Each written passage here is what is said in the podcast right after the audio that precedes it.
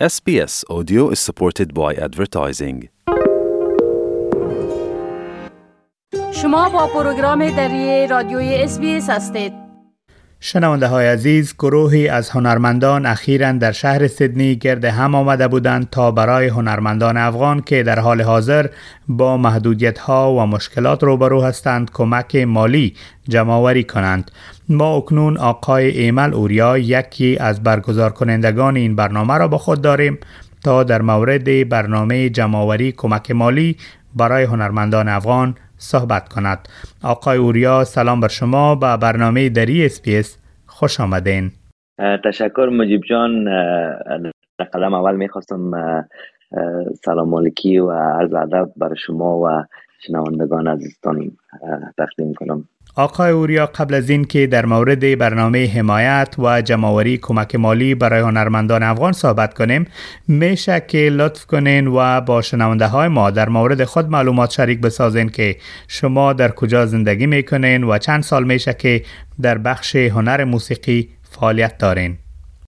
تشکر مجیب جان. ما دیگه سن دو سالگی که در استرالیا آمدیم و در شهر سیدنی زندگی می‌کنم.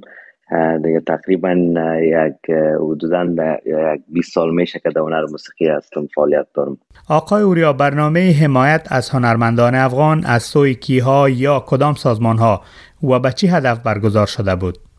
بله مجیب جان دیگه تقریبا دمی چند ماه بود که ما می‌خواستیم که برنامه جور کنیم که کمک بتانیم کرده به هنرمندای ما که در افغانستان هستن.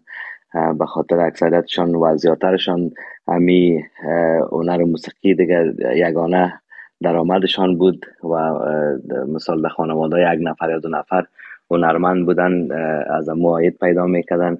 دیگه کت یک دوست خارجی ما که آقای لاکلندل که خود از او هم یک ارگانیزیشن به نام Worlds Within World داره. دیگه خودش هم گیتار می نوازه پروفشنال گیتار نواز است و یک چند سال میشه که به حساب علاقمندی به موسیقی افغانستان داشته و داره.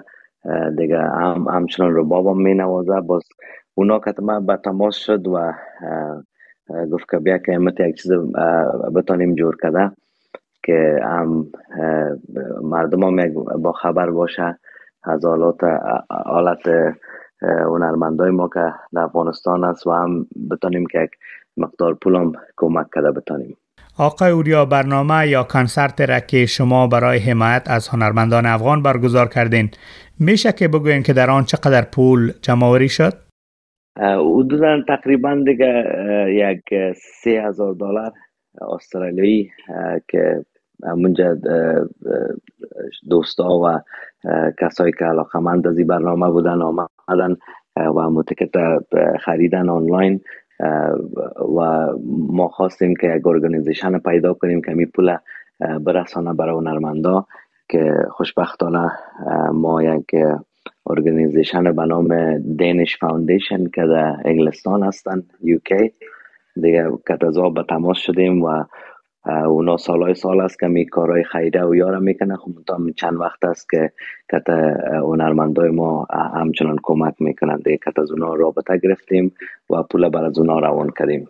آقای اوریا شما اشاره کردین که پول جمعوری شده به یک سازمان سپرده می شود تا او سازمان به هنرمندان افغان کمک کند یعنی از سوی شما مستقیما پول به هنرمندان ارسال نمی شود بله مجیب جان ما نخواستیم که مو چون ما, ما برایش organization ش هم نداریم یا کدام charity foundation هم ما نداریم. دیگه ما خواستیم که یک organization باشه که مخصوص به می هنرمندا کمک کنه. دیگه چون organization های دیگه هم زیاد هست ولی اونا در عموما کمک می‌کنن برای هنرمندا تنها نیست. دیگه دوستایی که صدای ما را میشنون مصاحبه را میشنون می‌تونن که در وبسایت دینش فاوندیشن برن. اونجا همه معلومات ها هست. که اونجا. آقای اوریا کسانی که تا هنوز کمک مالی نکردند و نیت کمک به هنرمندان افغان را دارند آیا پس از این هم می توانند کمک کنند؟ بله موجب جان می‌تونن اونا یک امو لینک آماده ساختن که جز از گوفند دستک و می‌تونن اونجا به حساب هر از یک دلار تا یک هزار دلار می‌تونن کمک کنن. می‌تونیم با شنونده هم لینک هم شریک بسازیم. دیگه می‌خوایم دا آینده میگان برنامه دیگه هم داشته باشیم.